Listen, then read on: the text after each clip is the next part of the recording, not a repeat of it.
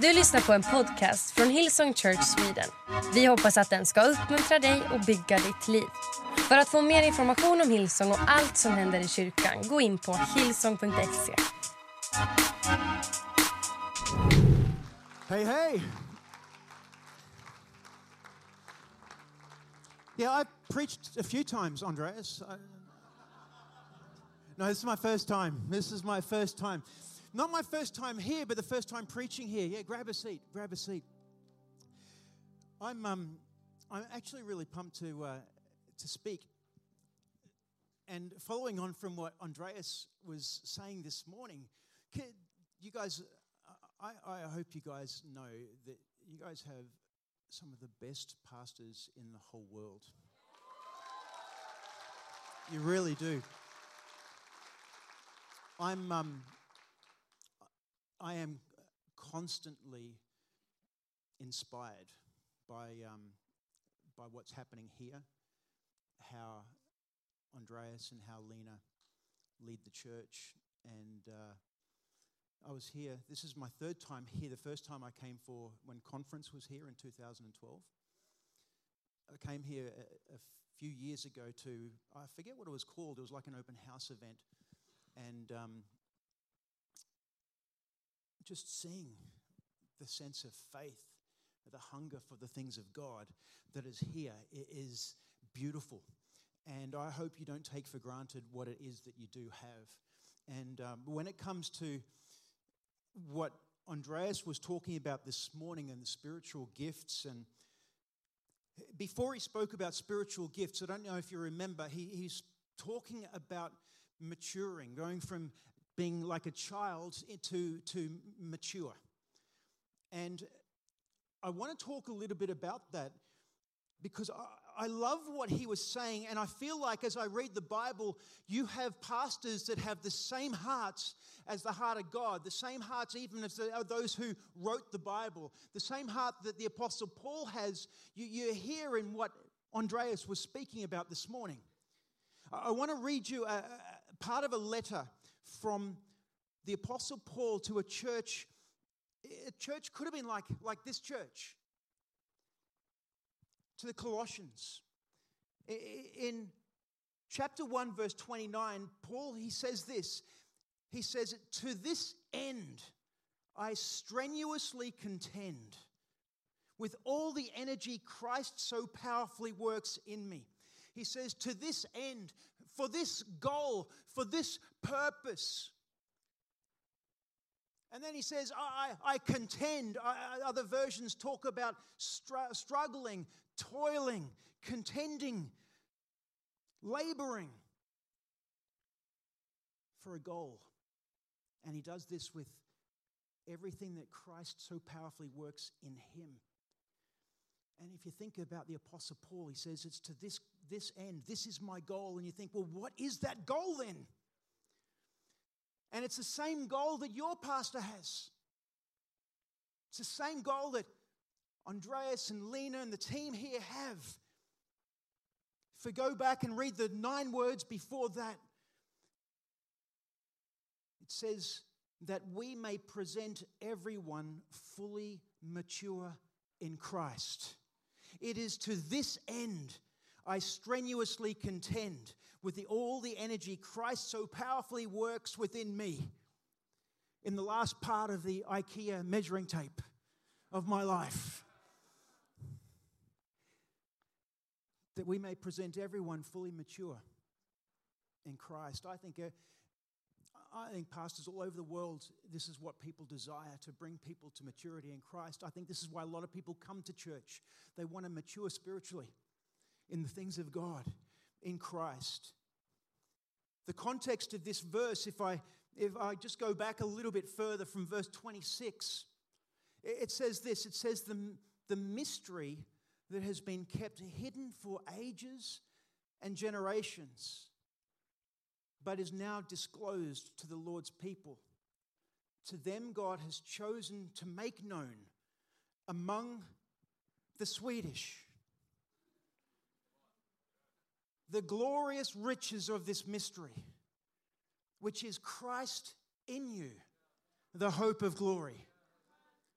Christ in you, the hope of glory. He is the one. Who? Christ. In fact, more specifically, Christ in you. He is the one we proclaim.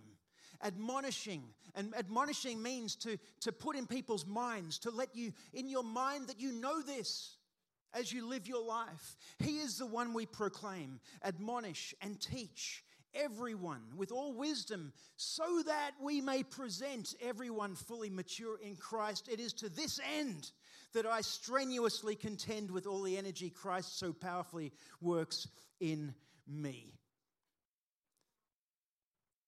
It's exactly what Andreas was talking about before. And we proclaim Christ. Christ in us. We're not just gathering, we're being commissioned, matured in Christ to live the lives that God has called us to. And the place that this happens is in the church. You know, when it talks about maturity, the Bible's, uh, I did a bit of study on this. The Bible talks about, there's a, there's a few different places. In fact, there's three main places. One in Hebrews chapter 5, the end of 5 and the beginning of 6, he says it's through teaching that you would know the faith, that you would understand the new covenant, the gospel, what it is that we believe. That we mature that way. Ephesians 4, which I'll talk about in a moment, speaks about within the church, within the body of Christ that we minister to each other to build each other up. And then in James chapter 1, it says, and then this is outworked in your life. In fact, in the trials of life, where that faith is proven. Christ in you. And if you know Christ is in you, that will bring perseverance through the trials.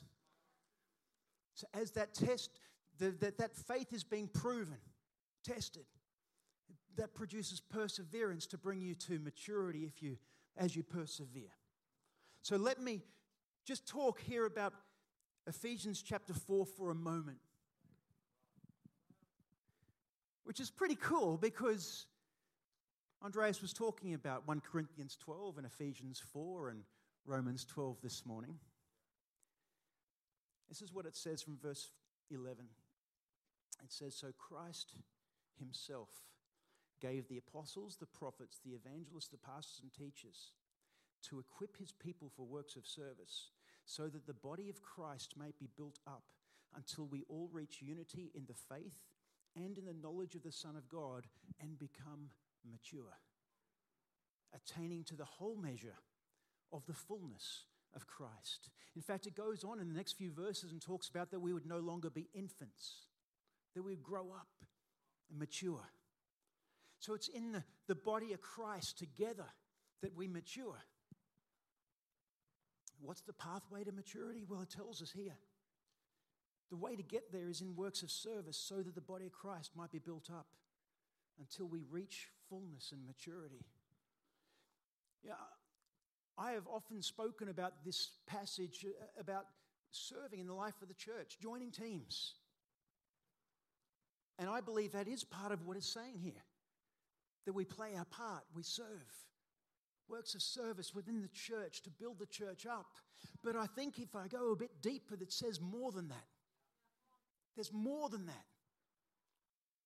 In fact, if I look at the New King James Version of verse 12 here, if we can, I don't know if we can put that up on the screen or not, but the New King James Version says, For the equipping of the saints for the work of ministry for the edifying of the body of Christ. Now, I'm a bit of a Bible nerd, okay? I'm, I'm, I'm more of a, the, the teaching type. I'm more of the Bible study type. And so, I, I, as, a, as, a, as a church pastor, as a church leader, and it talks about the apostles, prophets, evangelists, pastors, and teachers, and this is their job description. I thought, well, if this is my job description, I better find out what does this actually mean. And so I started looking at this passage and thinking, what does this mean? And I got my, my old, the Greek, and you know, what does it mean in the Greek, in the original language it was written, and how does it work? And can we just put that picture I, I, we, we've got here of my, my little Bible study of Ephesians chapter 4, verse 12? So here's my little Bible study of my job description. My job description is to equip the church, the people of God, for works of service so the body of Christ may be built up. The works, the, the Greek word is ergon, which is talking about undertaking actions. Eh, there's actions that we undertake. Eh, uh, the diakonia, it means, yes, service, but more ministering. And what is ministering? We'll get to that in a moment. Body Christ, well, that's us. I didn't need to look up the Greek for that. And built up, it speaks about edifying, it speaks about promoting growth, building up, edifying, promoting growth. And, and so, the Richard van der Kolk version, Ephesians 4:12 RV is this is about undertaking the actions of ministering to each other to promote the spiritual advancement and wisdom of each other. How do I equip the people of the church to undertake the actions of ministering to each other, to promote the spiritual advancement and wisdom of each other? If you are wondering what it means to minister, then you're in the right place.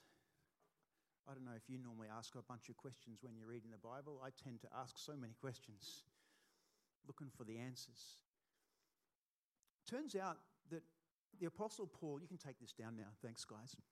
It turns out the Apostle Paul actually describes what ministering is. He describes his own ministering. There's a whole chapter of it in the second letter to the Corinthians. He, he says this in the beginning. You, are you, you tracking with me so far? Does this make sense so far?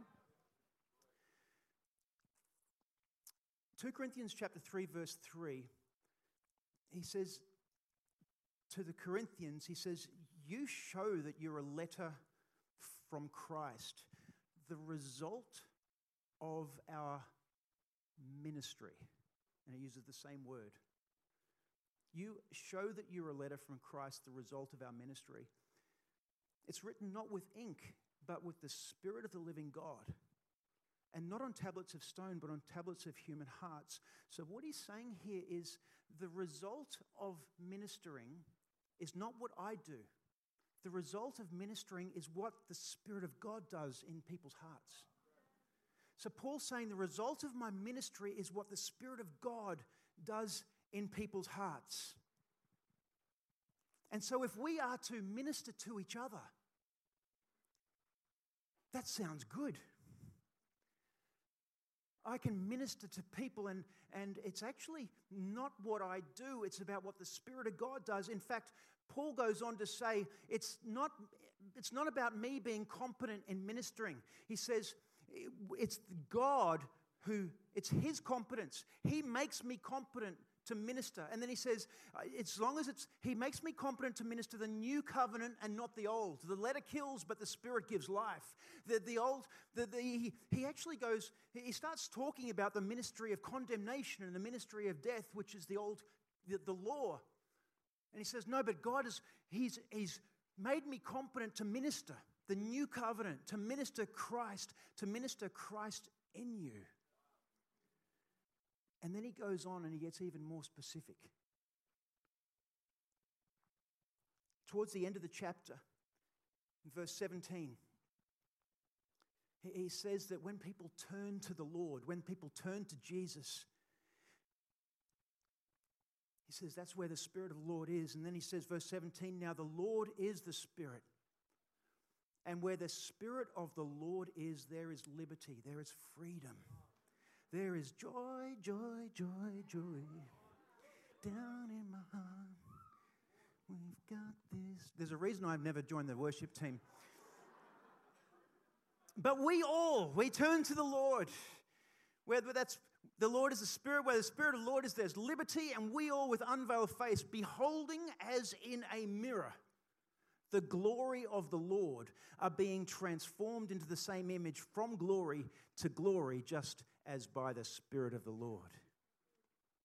So, the result of our ministry is what the Spirit does, and this is how it happens. whenever anyone turns to the Lord,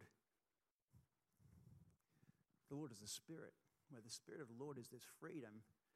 And we, with unveiled faces, we behold as in a mirror the glory of God. Can I ask you a question? Do you know what you look like? How do you know? Did you look in the mirror this morning? Did you behold your face in a mirror? Well, Paul is saying here don't behold your face in the mirror, behold God's glory as in a mirror. What do you look like? If you think of looking at, at in a mirror, what do you see? He's saying, see God's glory. Christ in you. What do you see when you think about yourself? Oh man, I'm, I'm preaching to myself right now.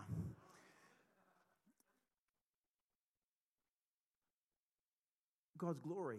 God's glory is His majesty, His magnificence, His splendor, His wonder, His goodness. Is that what I see in the mirror? Is that what you see in the mirror? That's what He calls ministering. When you help someone else to see God's glory, Christ in them, as in a mirror. It's amazing, isn't it? Maybe go out and buy one of those pens that you can write on glass and write on the mirror God's majesty, God's magnificence, God's splendor, God's wonder, God's goodness. And every time you look in the mirror, when you behold in the mirror, what you're going to behold is, I'm going to remind myself to behold Christ is in me. Christ is in me we are so used to. We are so used to seeing our mistakes. We're so used to seeing our failures, our weaknesses, our issues, even sometimes our strength. Or if we're talking really physically, those pimples. But he's saying, no, look past that. Look at Christ in you. Behold God's glory as in a mirror. Do you remember the first verse we looked at? Let me go back to it Colossians chapter 1, verse 27. To them, God has chosen to make known among the Swedes the glorious riches of this mystery, which is Christ in you, the hope of glory. He is the one that we proclaim, Christ in you. We proclaim Christ in you. We proclaim, we admonish, and we teach everyone with all wisdom so that we can present everyone fully mature in Christ. It's to this end that I strenuously contend with all the energy Christ so powerfully works in me. We are gifted differently. We all have these different gifts that, as, as Andreas was saying, we're gifted to play our parts in different ways, but we minister to each other, Christ in us. Jesus gave the gifts of apostle, prophet, evangelist, pastor, and teacher to, to equip in different ways. While we're hosting, while we're doing the lights, while we're cleaning the toilets, we can prophesy, we can encourage each other. Uh, uh exactly like Andreas showed us how to this morning. Encourage each other while we're serving together, prophesying the evangelist. Man, when we do our youth services and we bring our friends, when we do our Sunday night services and we bring our friends, when we do our connect groups and we pastor, we care for each other, we teach each other about the faith, about Christ in us. We all do that. We all can do that. Listen, life has a, a way of knocking the wind out of our sails, doesn't it? we can lose our spark. Can I just get Petrus and Daniel to come up for a second? I, just, I want to show you what I mean by, by, by how, how I see this kind of working because we can lose our spark in life. I've got some cigarette lighters up here and let's see if this works. All right. See, I, I have Christ in me. I'm a Christian, I'm a believer. Jesus has done what's necessary. Uh, Christ is in me. But you know, sometimes in the world, can just knock the wind out of me. I, I can, oh, I can lose my spark.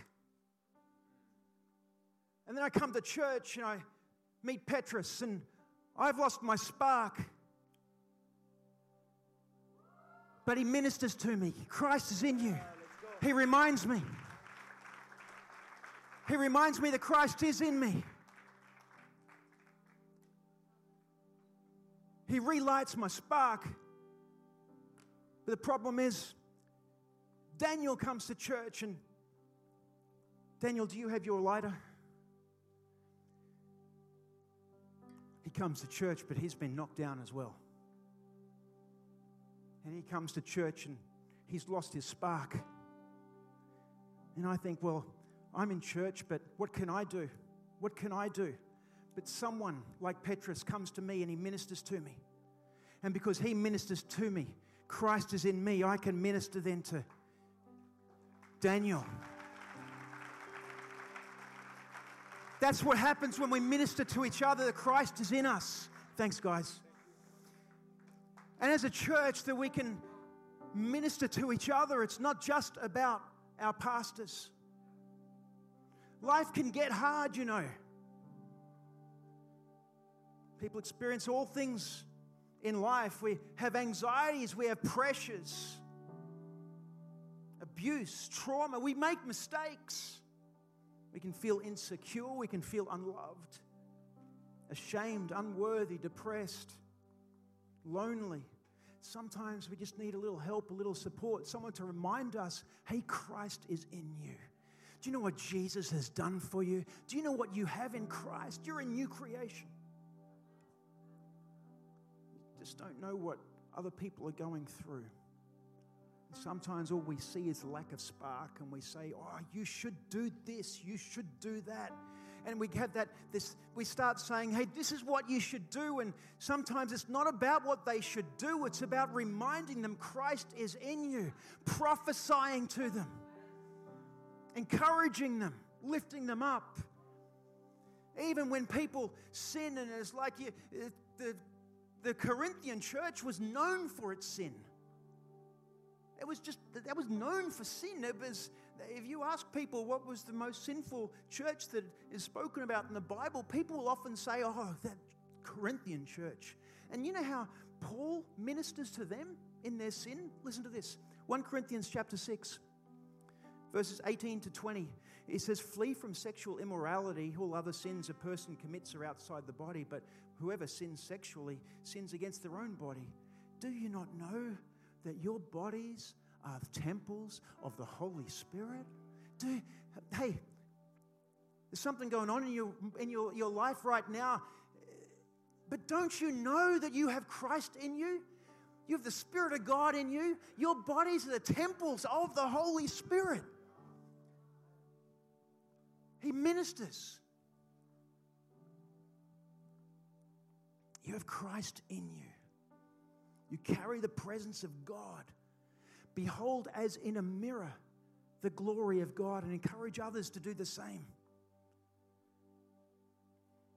Can we put Galatians 2:20 up on the screen? Uh, uh, when pastors ask you to do something during a message, I, I, don't like that. And I'm about to do that. Can, but can together we at least humor me? Can we together read this out?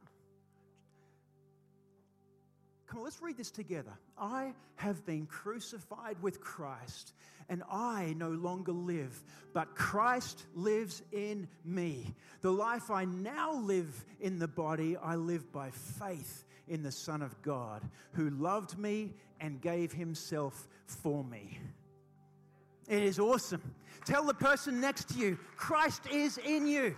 Go on, tell the person next to you, Christ is in you. Minister to them. Minister to them. Tell them Christ is in you. Listen, 1 John chapter 4 verse 4 says, "You dear children are from God and have overcome them, because the one who is in you is greater than the one who is in the world." Hey, turn to your second choice, the one on the other side. Tell them, hey, the one who is in you is greater than he that is in the world. He that is in you is greater than he that is in the world. We're ministering to each other. We're seeing each other grow, maturing in Christ. Ephesians 3 20, 21.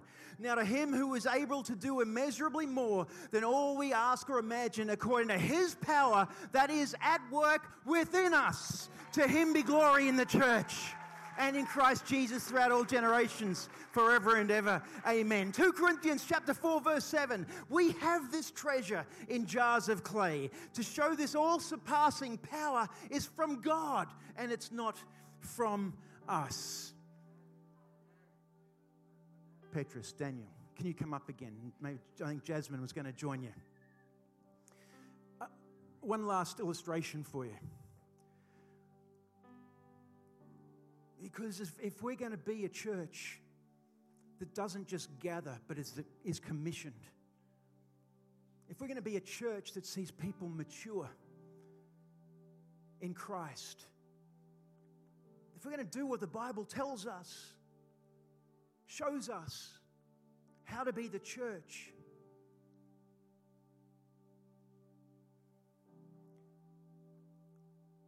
the three lights are nice.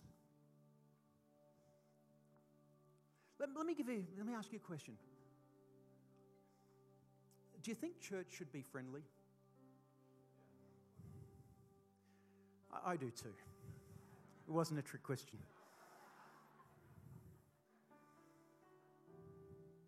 The church should be friendly, right? I want to show you what happens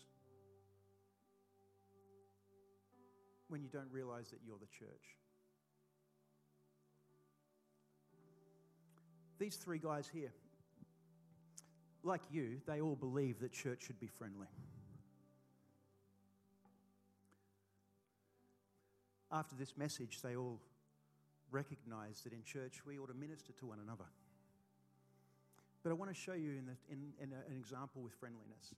So let's say that this point here, I've got a little X. Pretend I'm the worship leader. Let's say this was this was the place of church, the meeting point where we meet on Sundays. Now, Jasmine, Daniel, and Petrus, they all recognize, like you, that church should be friendly. Church ought to be friendly. So they're going to come to church expecting church to be friendly. So have a look what happens when they come to the meeting place, the church, the gathering, expecting church to be friendly. They're all waiting. They're waiting for church to be friendly. Because church should be friendly, we all agree. They all agree. Church should be friendly. And then they go home at the end of the service and think, what an unfriendly church. What an unfriendly church that was. I don't like that church. Church is supposed to be friendly. But then they get a revelation that we are the church and still believe that church should be friendly. I want you to see what happens, how things change in the church when we, re- when we all realize that we are the church and we all, we don't just gather, but we are equipped. We play our part. We minister to each other. We mature. So now they come to church knowing the church should be friendly, but now they realize they are the church. Ah, oh, what a friendly church! What an amazing church! Ah, oh, this is incredible. They go home that, that evening and think, I've made some new friends. That's an amazing church. Thanks, guys. Hey, the Bible says that we are to minister to one another, not just to expect that at that church you should minister to one another. Because if that's how we come to church, it's not going to happen. We will come to, come to church and think, oh, Andreas and Lena, they should minister. Oh, Eric and Beatrice, they, they shouldn't be ministering. I, I'm, I'm expecting that to happen. Didn't you say in Colossians that Paul said that that's what he does? And now you're saying that's what we should do? Well, let me finish with this last scripture. In Colossians 1, he spoke about his goal as he proclaimed and admonished and teached, teached, taught with all wisdom. Christ in you. But later on in that same letter, Colossians chapter 3, verses 15 to 17, he says, Let the peace of Christ rule in your hearts, since as members of one body you were called to peace, and be thankful. Let the message of Christ dwell among you. As you uh, let it uh, dwell among you richly as you teach and admonish, remind one another with all wisdom. Through psalms and hymns and songs from the Spirit, singing to God with gratitude in your hearts, and whatever you do, whether in word or deed or with all, uh, do it all in the name of the Lord Jesus, giving thanks to the God and Father through Him. Christ is in you, Christ is in the person next to you. We minister to each other and we come to a place of maturity in Jesus so that we may all be presented fully mature in Christ. We are united and we come to the fullness of all the fullness of Christ in us. In Jesus' name. Lord, I pray for every person here. Lord, that we all get a revelation of the mystery of Christ in us, the hope of glory.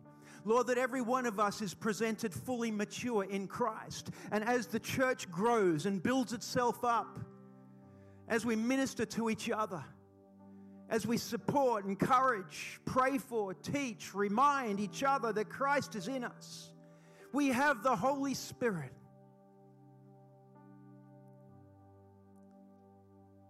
Lord, that amongst us all,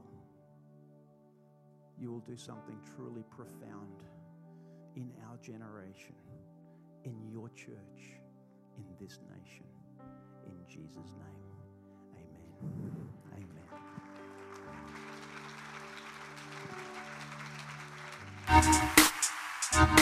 Du har lyssnat till en podcast från Hillsong Church Sweden. Om du vill veta mer om vår kyrka eller om våra söndagsmöten surfa in på hillsong.se.